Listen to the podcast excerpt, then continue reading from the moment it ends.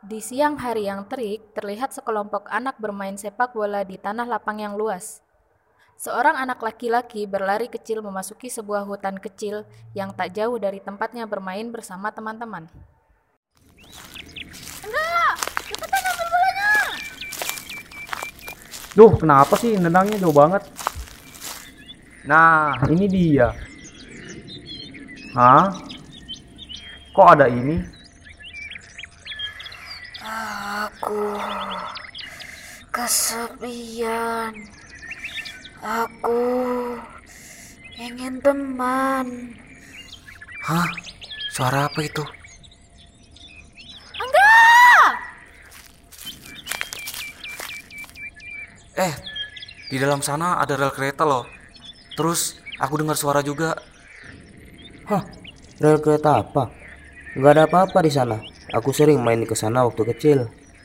Angga, pulang dulu, Nak. Tuh, enggak. Balik dulu. Kamu kecapean kali. Bu, Bu. Tadi enggak lihat ada rel kereta loh di dalam hutan. Sudah tua begitu, Bu, kelihatannya. Rel kereta apa? Desa kita ini jauh dari kereta-keretaan, Nak. Tapi beneran, Bu. Kamu tuh lo ya, siang-siang udah ngelantur aja. Makanya kalau ibu suruh tidur siang tuh nurut.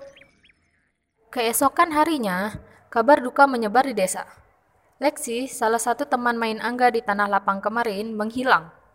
Dari berita yang menyebar, katanya ia sedang mencari bolanya di dalam hutan di malam hari. Namun, setelah ditunggu selama berjam-jam, ia tak kembali lagi.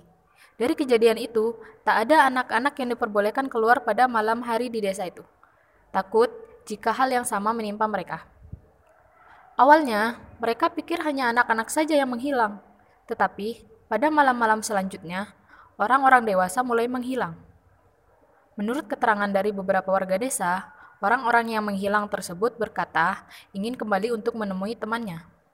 Namun, tidak pernah disebutkan namanya. Kemudian satu persatu mulai menghilang di telan hutan tersebut. Mulai dari remaja hingga lanjut usia menghilang tanpa kabar. Sejak itu, tidak ada lagi aktivitas malam hari di desa kecil tersebut. Tiga minggu sejak teman Angga hilang, di sore hari semua anak sedang berkumpul dengan murung di tanah lapang biasanya. Tidak tahan melihat teman-temannya terus bersedih, Angga akhirnya membulatkan tekadnya. Aku akan mencari teman kita yang hilang. Enggak, aku tahu kamu berani. Tapi jangan sampai kamu sengaja menghilang gara-gara mencari mereka. Gila itu namanya. Aku nggak mau ada teman kita yang hilang lagi. Kalau nggak ada yang berani, biar aku aja. Aku janji bakal balik lagi kok. Kalau gitu, aku ikut. Angga pun mengangguk. Saat temannya yang lain meminta ikut juga, Dika mencegah. Berjalanlah mereka berdua memasuki hutan tersebut. Semakin dalam, celah pepohonan semakin sempit. Anehnya, jaraknya menjadi semakin jauh jika dibandingkan beberapa waktu yang lalu. Hmm, enggak. Kayaknya aku nggak bisa terus lanjut deh. Badan aku terlalu besar buat masuk ke sana. Ini aja udah nyangkut. Ya udah dik, aku sendiri aja nggak apa-apa kok. Angga, hati-hati. Ya. Semakin dalam ia masuk, Angga malah mendengar suara tangisan. Seiring ia berjalan, suara tangisannya semakin jelas. Angga nyaris tidak bisa melihat apa pun karena cahaya matahari terhalangi oleh rimbunnya dedaunan. Kenapa kau pergi meninggalkanku seorang diri, Chris? Aku sangat bosan dan kesepian. Angga yang merasa takut namun penasaran akhirnya mencoba mencari sumber suara tangis tersebut. Ia hampir menjerit saat melihat sesosok monster yang terlihat seperti gerbong-gerbong kereta api yang menyatu tak jauh dari rambu lalu lintas rel kereta yang dilihatnya tempo hari.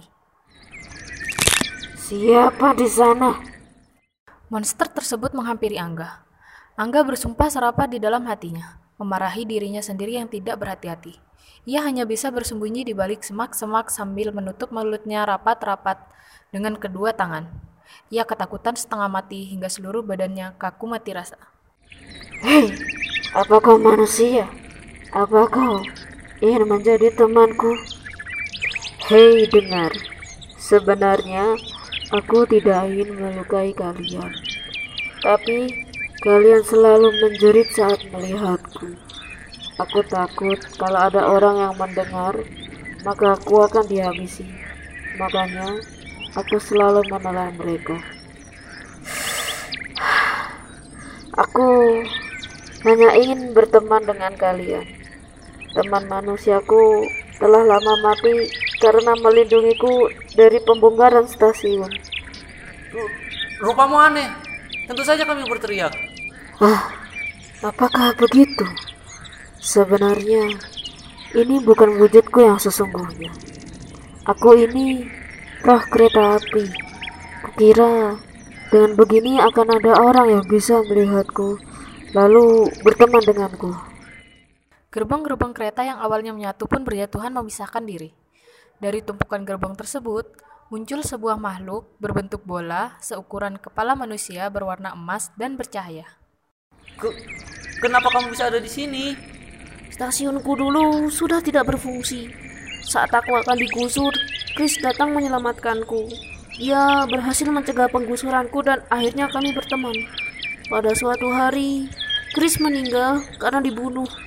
Dengan terbunuhnya Chris, maka perjanjian soal pergusuranku menjadi batal. Aku marah, tapi aku tidak bisa apa-apa. Akhirnya, aku berpindah ke sini dan membuat tempat tinggal tersembunyi dari manusia yang pernah menggusurku. Aku tidak ingin dibenci oleh kalian, tapi aku tidak punya pilihan. Aku merasa kesepian selama bertahun-tahun. Aku ingin memiliki teman. Angga merasa iba dengannya dan menawarkan diri menjadi temannya. Roh tersebut terlihat sangat bahagia dengan tawaran Angga.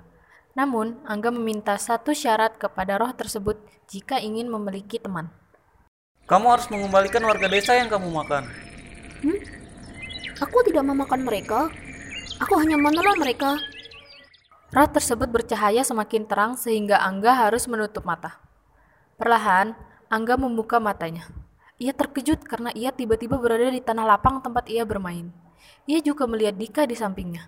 Bingung. Saat ia berbalik, hutan yang pernah ia masuki pun menghilang. Sebagai gantinya, teman barunya melayang-layang di hadapannya dengan senyum lebar. Ia berbalik memandang desanya. Matanya terbelalak, terkejut. Warga desa yang menghilang kembali. Mereka bertanya-tanya keheranan. Anehnya, mereka lupa jika mereka pernah menghilang. Seluruh desa berbahagia. Sementara itu, si roh kereta menatap Angga penuh harap. Ya, ya, aku tahu. Kamu ingin berkenalan dengan teman-temanku juga kan?